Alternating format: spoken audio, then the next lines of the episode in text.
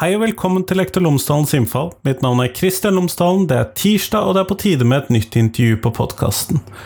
I anledning at det er 8. mars, så tenker jeg at dagens episode er særlig treffende. Jeg snakker med Kjersti Helgeland fra Sustainable Passions og Nytfestivalen om hennes opplegg i forbindelse med Nei, i sammenheng med, eller gjennom, Den kulturelle skolesekken om seksualitetens kulturhistorie.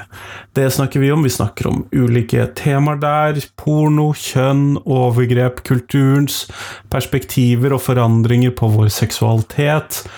I det hele tatt, det blir dagens tema. Det tenker jeg er glimrende for i dag. Ellers, podkasten Lektor Lomsdalens innfall er sponset av Fagbokforlaget, og hvis du går inn på fagbokforlaget.no, så finner du mange spennende nye læremidler. De utgir bøker og digitale læremidler for hele utdanningsløpet, fra barnehage til høyere utdanning og profesjon. I tillegg til norsk for minoritetsspråklige, det skal vi ikke glemme. Og Det siste året så har det kommet ut en rekke spennende titler til lærerutdanningene, og en av disse er boken Profesjonell muntlighet. Og I denne boken så handler det om stemmebruk, retorikk og diksjon, og den er skrevet for alle som lever av å snakke. Det tror jeg kan bli utrolig gøy for mange lærere. Vi er jo definitivt en profesjon som lever av muntlighet. Så sjekk ut på fagbokforlaget.no, der kommer det stadig nye læremidler. Men nå, nå skal du føre Kjersti Helgeland, vær så god.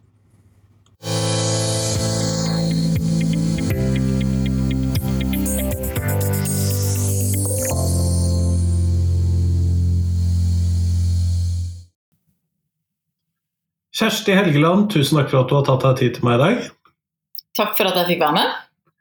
Før vi kommer sånn ordentlig i gang med podkasten, så hadde jeg håpet at du kunne fortelle lytterne mine tre ting om deg selv, sånn at de kan få bli litt bedre kjent med deg. Ok, da kan jeg fortelle at jeg brenner for å snakke om seksuell nytelse og positiv seksualitet. Jeg har en bred eh, bakgrunn. Jeg er utdanna agronom, eh, lektor, og så hadde jeg en drøm en gang om å bli skipper, så jeg kom inn på Sjøoffiserskolen i Tromsø. Og så kan vi si at når jeg skal skikkelig sånn koble av for alt jobb, så elsker jeg å være ute i naturen og gjerne i ordentlige urskoger og lete etter rødlista vedboende sopp. Ja, mm. det var, må jeg si at uh, jeg ble overrasket. Jeg trodde jeg kjente deg godt. Men kjempeflott. Du, uh, du, reiser rundt med Den kulturelle skolesekken og holder et uh, opplegg der. Og da må du nesten fortelle hva er det du snakker om? Jeg snakker om seksualitetens kulturhistorie. Eh, så det er jo For å få det inn da, i, i, Den kulturelle skolesekken, så er det liksom visse Da må det være hektes på noe, noe kulturelt. Så jeg ser på egentlig en del hvordan vår seksualitet er skapt, formet, manipulert. Og så sniker jeg inn litt seksualundervisning samtidig. Eller Seksualopplysning. Nettopp, nettopp. Sånn at, men dette er et ganske, hva skal vi kalle det, et ganske bredt, bred historiefortelling, da? Ja, det er det. Um, og det er, men det er en ganske, hva skal jeg si, litt sånn unik historie. Det er ikke noe du får lest noe sted. Og hvis jeg kan fortelle hvordan det her eh, foredraget blei til, ja, start der. da syns jeg det er en litt sånn artig historie, fordi det var egentlig veldig tilfeldig, som mye er i livet. Jeg var på åpningen av sentralen i Oslo sammen med en kollega som jeg jobbet med. Og så møtte hun en uh, gammel nabo av seg, og så ble de stående og skravle. ikke sant? Og så ble jeg stående og skravle med partneren til naboen, da. Og når vi hadde liksom vært gjennom dette her, hvorfor er du her, og sånn, så begynte vi å snakke om hva er det du driver med, og da sa jeg at jeg jobber med eh, seksuell helse, og han jobbet i Den kulturelle skolesekken. Og da sa jeg, du vet hva, jeg har tenkt på at jeg har innmari lyst, hadde ikke vært gøy å lage et foredrag om seksualitet for Den kulturelle skolesekken? Jo, sa han. Kjempegod idé. Og han hadde tilfeldigvis et hovedfag om seksualitet innafor uh, hva heter det, religion. Så var sånn Ja, ja, men ta kontakt til høsten, så finner vi ut av det. Og det gjorde jeg. Så dette foredraget utvikla sammen med Eh, Bjørn Kristiansen i eh, DKS Vik, eller Akershus, da, som det het da, nå Viken. Eh, så, og det er jo for videregående skoler. Så det var veldig gøy og litt sånn Selvfølgelig sånn ble det til. Og det her er jo sjette året at jeg nå turnerer med det foredraget. Og da har jeg vært i ja, fem, fem eller seks fylker til sammen. Mange hundre skoler, mange tusen elever. Og akkurat nå så er du på en sånn turné? Akkurat nå så er jeg i Porsgrunn på DKS-turné. Det må jo være utrolig spennende å komme ut på så mange forskjellige skoler og snakke om et sånt tema som seksualitetens historie er, da? Det er det. Det er kjempegøy. Det er eh, Jeg får jo veldig gode tilbakemeldinger. Det er derfor jeg liksom har fått lov å holde på så mange år og har ønska tilbake. Men eh, det er jo både spennende møter med ulike skoler, skolekulturer, ikke sant. Og elever. Jeg har jo litt sånn jeg kategoris si, kategoriserer elevene litt, da, ut fra erfaring. Um, jeg har de litt umodne, fnisete. Det er jo de som ikke klarer å holde kjeft, de bare må småprate litt, og de er nødt for å kommentere. og Det er ikke, altså, det er ikke noe vondt ment, det er bare litt sånn Det bobler over. Og så har vi f.eks. Eh, de eh, sånn, de som har litt filter, de litt mer blaserte. Det er de som ikke kan vise at dette her er noe spennende eller noe nytt, eller de kan alt og bare har litt sånn eh, blankt ansikt. da. At det er litt skummelt. Og så har du de modne som eh, stiller spørsmål og er på og sånt. Og så har du kanskje de bare åpne sånn uten filter som tar det inn og eh, Det er jo veldig forskjell på trygghet mellom ulike klasser og skoler og sånn, da. Eh, og så har, du, så har jeg vært ute for også de stenansikt, vil jeg kalle det. Da. Det har jo vært eh, noen eh, klasser i miljøer med veldig, veldig sånn bedehusmiljø, altså veldig sterke menigheter. Og det er veldig snålt, hvor, der hvor alle andre friser litt eller du får noen reaksjoner, så er det helt dødt i, i ansiktet. Ingen reaksjon. Dette blir for tøft for dem. Så det er alle mulige slags uh, Eh, reaksjoner jeg møter, men stort sett så, så, treffer det. For jeg snakker så direkte om sex og seksualitet som de ikke er egentlig veldig vant til på skolen. Og de, de trenger det. De trenger mye mer av det. Ja, og det må jeg Ingen er vel i tvil om at jeg tenker mye av det samme om det, at de trenger mer av det. Men hva slags type Hvor starter du denne historiefortellingen? Da? Det er vel kanskje det beste spørsmålet jeg tror jeg kan klare å stille. Ja. Um, jeg starter den litt med altså, hva er seksualitet? Og da sier jeg at Seksualitet er ikke noe vi gjør, seksualitet er noe vi har. Det er en kraft som er med oss fra før vi er født og til vi dør. Det er en kraft som har vært med å forme verdenshistorien. Den har ført til kriger, og fred.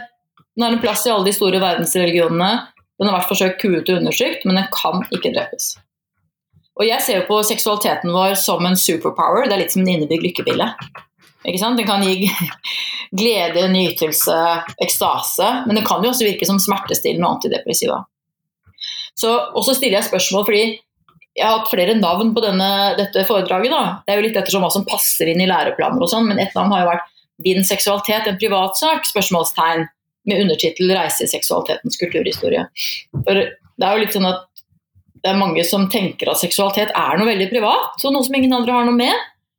Og det ønsker jeg å utfordre med det foredraget, ved å vise at, eh, at seksualiteten vår er i stor grad eh, også en, eh, en eh, hva heter det, altså på en måte et offisielt tema, noe vi må snakke om. Noe som ikke bare er privat. Da. Og så tar jeg det videre Og så har jeg, startet, har jeg en Kahoot til oppvarming med litt sånn uh, ulike spørsmål for å sette liksom, tonen. F.eks. så kan jeg jo spørre deg, hva tror du? Folk med lite penger har mer sex enn folk med mye penger. Er det sant eller usant? Vet du hva, Det er faktisk noe jeg ikke vet hva jeg skal svare på. Det er uh, Jeg tror jeg svarer usant, det. Eh, det er feil. Det er sant. Ja. Og, men det, det er jo, de aller fleste tror at det er usant. Du får litt bilde sant, i media at for, rike folk de har så mye sex og omgir seg med og, Men det forskes jo på utrolig mye når det gjelder sex og seksualitet, og forskerne har funnet ut at uh, faktisk jo mer penger folk har, jo mindre sex har de. Så det er jo ikke sant, så det viser, prøver å vise litt bredden da, på hvor seksualiteten kommer inn i, i uh, folks uh, liv. Og så snakker jeg litt om hvordan vi bruker seksuelle ord, hvordan vi snakker om sex og seksualitet. Dette med uh, litt sånn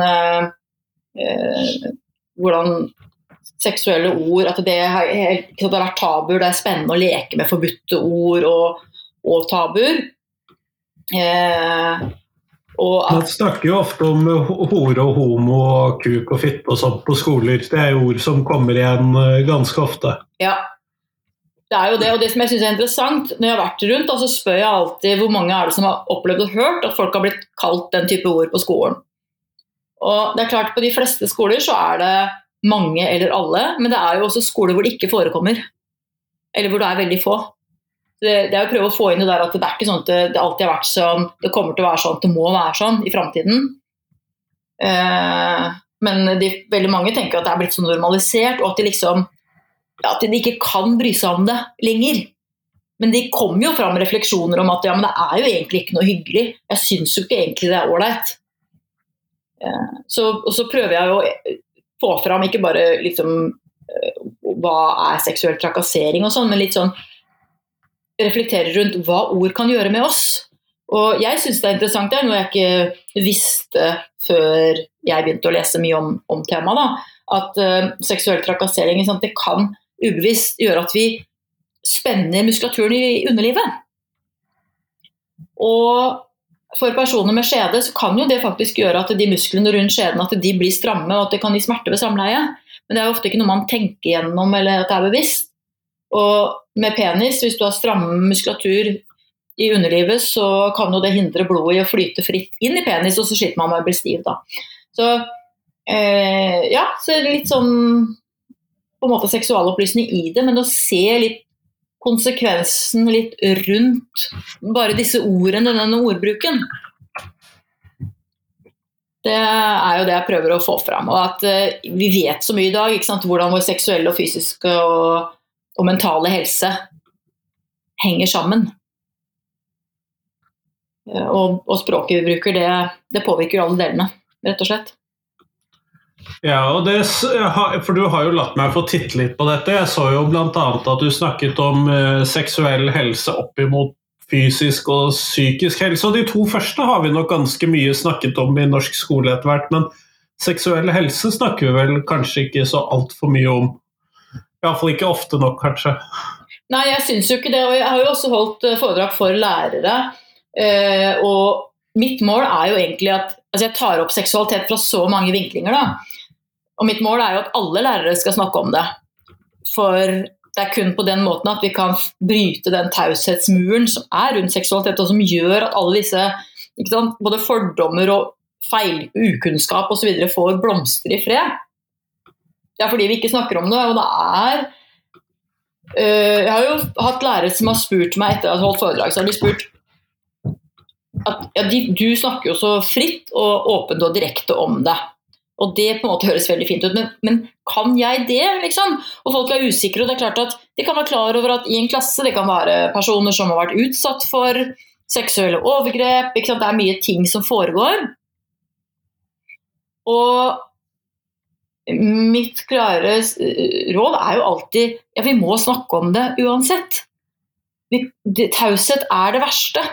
Så selv om vi ikke føler at vi har kunnskap på alle områder, så det å tørre å ta det opp, og selvfølgelig vite om Jeg, jeg oppfordrer jo at helsesykepleier skal være med, da, og miljøarbeidere og sånt på disse foredragene. For man skal jo kunne henvise ting når det er eh, vanskelig. Men ungdom de kommer Jeg har også hatt elever som har kommet opp til meg etter foredraget og snakket om at de har opplevd eh, seksuelle overgrep og Uh, og bare det, Jeg gir ikke noe konkrete råd i forhold til det, det er ikke min oppgave. Men bare det å få lov å snakke om det, er ikke farlig. Det i seg selv bare kan gi refleksjoner Så, så jeg Det er jo mitt, min misjon. er rett og slett at alle må snakke om det. Det kan tas inn i alle fag. Ja, Hvis vi da skal ta det litt inn i noen fag her, da, så Religion er jo der hvor dette ofte er hva skal vi kalle det, et mer betent tema enn i mange sammenhenger. Mm. Er det noe du trekker inn i foredraget ditt? Ja da, jeg har jo, det jeg gjør er at jeg også snakker om Jeg sier at din setter deg litt på spissen da, din seksualitet den er manipulert. Den er skapt med viten og vilje. Du ler du, jeg ser det. Du liker det. Din seksualitet den er skapt av de som mener at de vet hva som er best for deg, og skal føre seksualiteten din i riktig retning.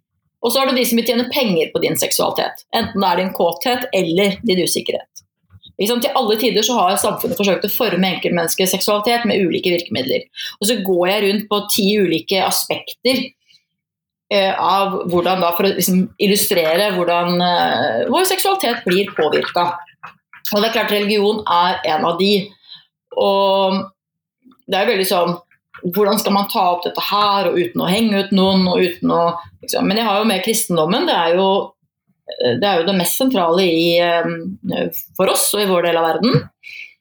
Eh, og det, det, som er at jeg får jo bare Jeg får jo bare tid til sånne små drypp, da, kan du si. Ikke sant? Det blir ikke noe inngående her.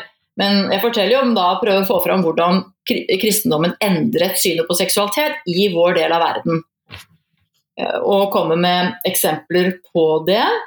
Og, men det er vanskelig å få fram altså det er å virkelig skjønne hvordan kristendommen f.eks. da koblet seksualiteten med synd. Vi tok fokuset bort vekk fra Gud og det åndelige og måtte reguleres.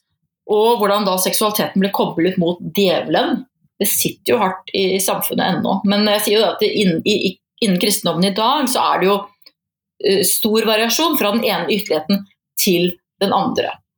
Og så tar jeg fram eh, hinduismen som et annet eksempel, hvor det er en religion hvor man regner med at seksualiteten er integrert, og også gudene har et sexliv. Men det er jo også på en måte eh, en Altså For du har eksempler fra f.eks. når gudene eh, eh, Parvatis og Syva har sex, så er det så voldsomt så de andre gudene er redd for at jorda skal gå i stykker. Og du har liksom du, har eh, et, eh, en skapelsesmyte om at, eh, at, jorden er født gjennom et samleie, og så har vi Kamasutra, ikke sant, som mange kjenner til. Men sexpositivitet er jo ikke noe som kjennetegner mange av de samfunnene hvor hinduismen står sterkt i dag. Så det er jo kjempestor forskjell der også. Det er ikke noe at hinduer er utprega sexpositive nødvendigvis. Men hovedpoenget mitt er jo nettopp det der at, at seksualiteten, nei, religionens syn på seksualitet påvirker din seksualitet. Og Jeg husker en gang det var en lærerinne. Hun var sånn Du, vent litt, si det en gang til, jeg må skrive det opp! For det, for det hadde hun ikke helt eh, tenkt på da. ikke sant? Så selv om vi jo regner oss som et sekulært samfunn i dag, så har jo religion stor påvirkning fortsatt på vår seksualitet. Det må jo være veldig spennende med de reaksjonene du får rundt i veldig varierte klasserom på å komme med den typen informasjon? Det er det, absolutt. Og eh, det er jo veldig forskjell på da hvor Det handler om hvor trygge er elevene på hverandre. Altså Hvor åpne kan de være i klassen? Hvor mye kan de uttrykke sin nysgjerrighet, f.eks. Sin åpenhet? Tør de å fnise og tør de å vise reaksjoner på bildene på det jeg sier? Eller føler de dette er veldig flaut? At de er veldig lite vant med åpenhet rundt det her? Ikke sant? Og jeg, jeg, jeg snakker direkte. Jeg har jo jeg har et bilde med eh, nakne folk. altså Snakker om kropp og nakenhet og seksualitet. Eh, hvordan vi kobler nakenhet med seksualitet da, i noen kulturer. For noen så er jo det bare sterkt å se, ikke sant? Og jeg syns jo det er sært altså Vold og gørr og blod og krig, det er vi veldig vant til, og det kan vi se masse av. Men straks det er noen nakne mennesker. Jeg har jo med ett pornobilde, eller to pornobilder. Da. Jeg har et sånt um, bilde, et gammelt bilde. Pornoen kom jo på 1800-tallet, sånn som vi kjenner den i dag. Det så håndmalt ut. Eh, ja, det er nok eh, malt, og det er jo litt morsomt og litt sånn på en måte uskyldig, men det kan være tøft. Og så har jeg med et uh, mer moderne pornobilde. Uh, og det har jeg da sladda. Gjorde ikke det til å begynne med, men det er jo noe med at bare å se kjønnsorganet, altså det er støtende for noen. Da. Det er liksom nakenhet. Dette. Vi ser jo aldri normal sex. Og det er jo ikke noe ekstremt pornobilde heller. Det er bare uh, men, jeg, men, det kan være sterkt for noen. Men jeg snakker jo om det da, ikke sant. Det er også veldig lite man får tid til om porno. Men, eh, men eh, få fram noen eh, sånne viktige poenger at porno er jo det er jo ikke laga for at de som er med, skal ha det digg. Det er jo laga for å trygge belønningssenteret i hjernen til de som ser på, som stort sett er menn. Så vi snakker litt sånn rundt det. Jeg ser jo at du også kommer innom ulike former for hva skal vi kalle det, seksualitetsutnyttelse eller benyttelse. F.eks. du trekker inn eh, type sexsalg eh, Jeg ser reklameplakat for eh, en datingnettside for sugar dating osv. Ja. Du treffer jo ganske mange ulike aspekter ved de tverrfaglige temaene i skolen. Absolutt. Altså, jeg mener alle kan ha noe her. så det, det Poenget der, det siste, det er jo altså vi, sier vi har de som vil at du skal som skal føre din seksualitet i riktig retning. Og der har du jo skolen, øh, og du har helsevesenet, og du har politikk og religion, kultur, familie og venner. Og så er det de som skal tjene penger på seksualiteten din. Og det er jo eh, markedsføring, reklame, også media, og så er det jo porno. Og så til slutt så har du de som ikke skal tjene penger, men som vil gi deg penger for din seksualitet. Som også påvirker. ikke sant? Og da, da er det jo Onlyfans. Og det er jo hvordan hvordan påvirker oss når vi bruker seksualiteten vår som en handelsvare. Uh, og Det er klart det er jo relevant, og det er jo også sårbart å ta opp. For det er klart at det kan være personer der som uh, har solgt bilder av seg selv, eller kjenner noen som har det, eller uh, sånt noe. Så jeg prøver å ta opp og stille spørsmålstegn ved de tingene, uten, at, uten å skamme eller noe sånt, å, men å reflektere rundt det, da, rett og slett.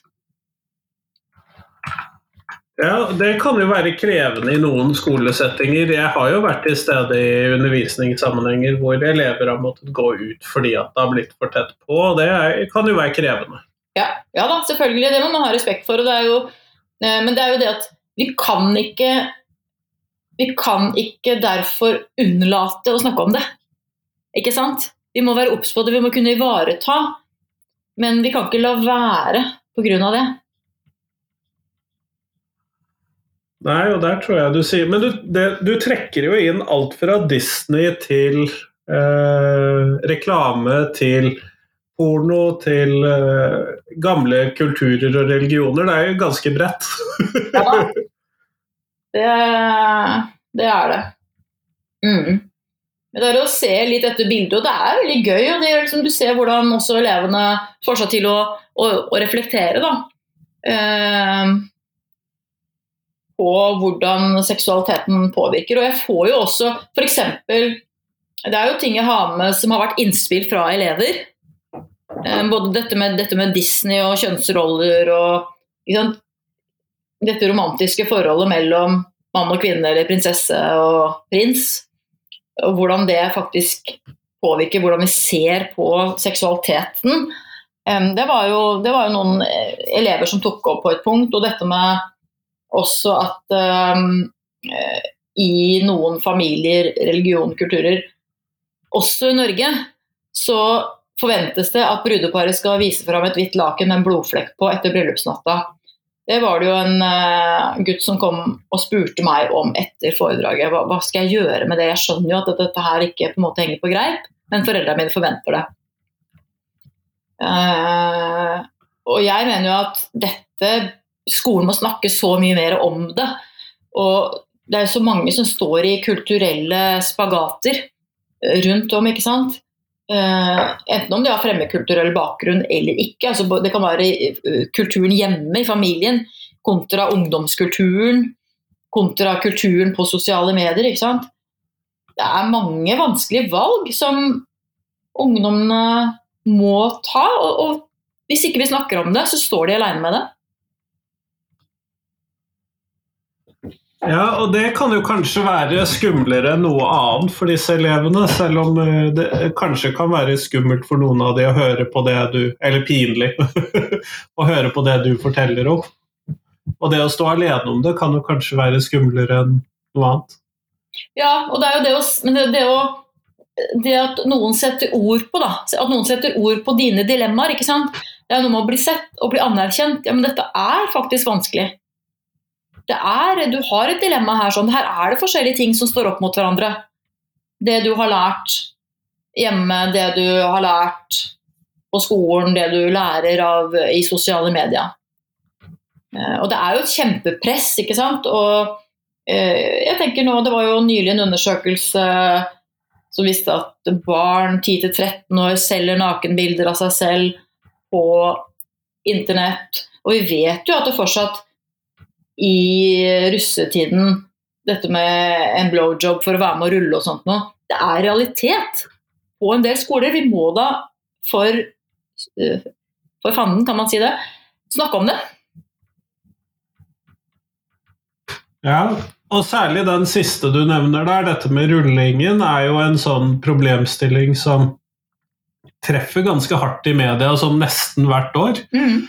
Uh, og som uh, vi kanskje ikke har tenkt mye, nøye nok gjennom hvordan vi møter i videregående skole. Jeg tenker det, og så, tenker så spør jeg ofte, jeg har begynt å spørre nå elevene hvor mange av dem har hatt undervisning om porno i løpet av skoletida si. Og Det varierer jo litt ettersom skole, da, men det er jo et fåtall som har det. Men det er jo, det har jo lærere fortalt meg, at det er jo aktuelt. altså Det er 14-åringer som tror at alle damer vil bli choka eller kvalt da, når de har sex. At det forventes. At jenter tror at de skal, burde like eh, aggressiv sex. Fordi det er det som, som man ser. Og jeg prøver å da få med at eh, nei, det er de færreste som liker det, men det er det som trigger dette belønningssenteret i hjernen på mannfolka. Derfor er det med. Det har ikke noe med at fordi at dette er god sex som eh, folk liker. Men det skulle jo vært så mye mer om det, rett og slett. Da, å snakke om det. Har det vært aktuelt å trekke dette foredraget inn i ungdomsskolen, eller blir de litt for unge for foredraget? De er nok absolutt for unge for foredraget, det tror jeg ikke de hadde takla. Men jeg har tenkt på å lage noe for ungdomsskolen. Men det må være for en mindre utvikla hjerne, altså for en mindre moden, mindre moden hjerne. Jeg har jobba i ungdomsskolen selv. Um, så det måtte vært lagt opp litt uh, annerledes, ja. Ja, jeg må jo si det at elevene mine i videregående og elevene mine i ungdomsskolen er ganske forskjellige verdener. Det er jo det. Eh, men det, men det, at det trengs, og det er, det jo, det er jo elever som har sagt at dette her burde vært obligatorisk for alle, og at de har sagt også dette burde vi hatt på ungdomsskolen. Og jeg tror de bare mener at vi burde hatt mer om det. Vi burde hatt mer om også denne, dette brede perspektivet da, på ungdomsskolen også, og ikke bare seksualitetsundervisning, altså sånn tradisjonell seksualitetsundervisning. I hvilken grad eh, handler dette foredraget om tabuer? Altså øh, Jeg tar jo opp en del tabuer, men det er ikke øh,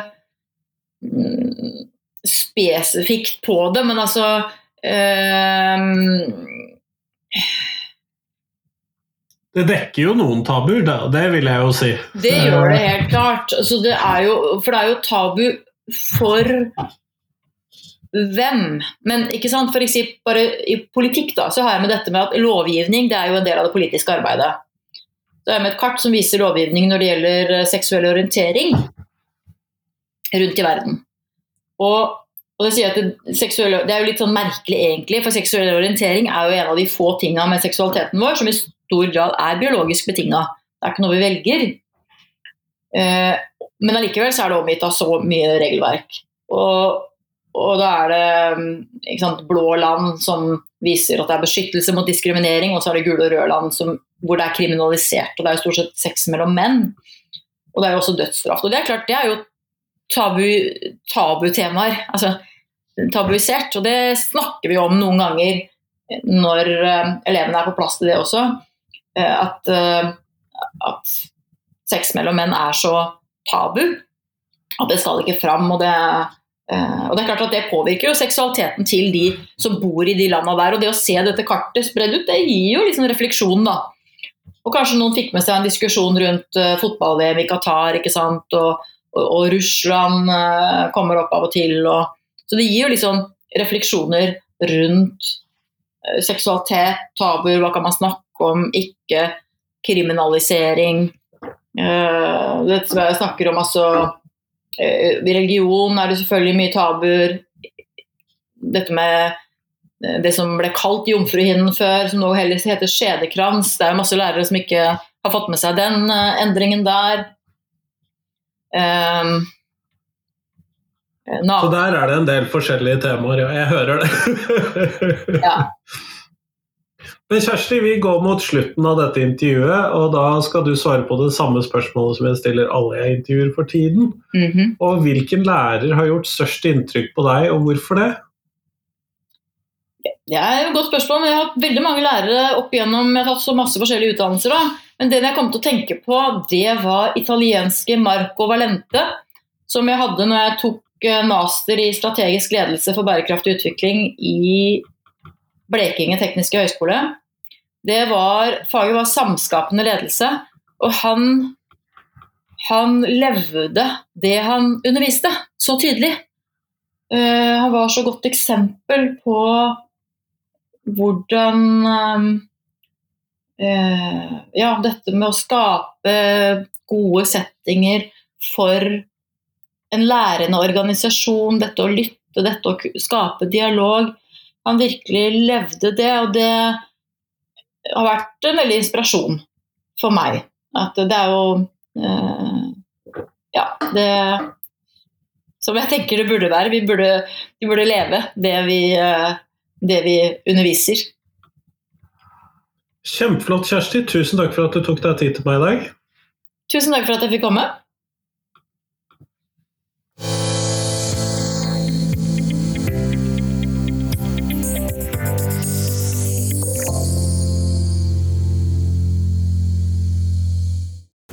Tusen takk til Kjersti, og tusen takk til deg som hørte på. Nå er det en uke fram til neste nye episode. Hvis ikke det kommer en ny episode på fredag, selvfølgelig. For på fredager så kommer det enten en repriseepisode, eller så kommer det en ny episode. Hvis jeg tenker at det er noe som haster litt. For tiden så har jeg sendt mange episoder om ChatGPT på fredager, og har prøvd å ha det som en slags fredagsserie. Så får du se hva som kommer på fredag. Du kan faktisk få vite det allerede onsdag, for da legger jeg ut reklame på Facebook og Twitter og andre steder om hva som kommer på fredagen. I hvert fall hvis det er en ny episode. Hvis det er en reprise, så gidder jeg ikke alltid å gjøre det, altså. Veld, jeg gjør det veldig sjelden, faktisk.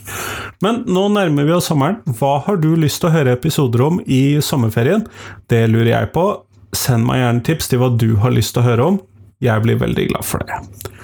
Det kan du gjøre på lektorlomsdalen.no eller Facebook, eller i Facebook-gruppen. Hvor som helst, send meg mail. Røyksignalet funker dårlig. Utover det, det meste tar jeg imot. Så send meg tips, det blir jeg utrolig glad for. Men nå, nå får du ha en fin uke. Hei, hei.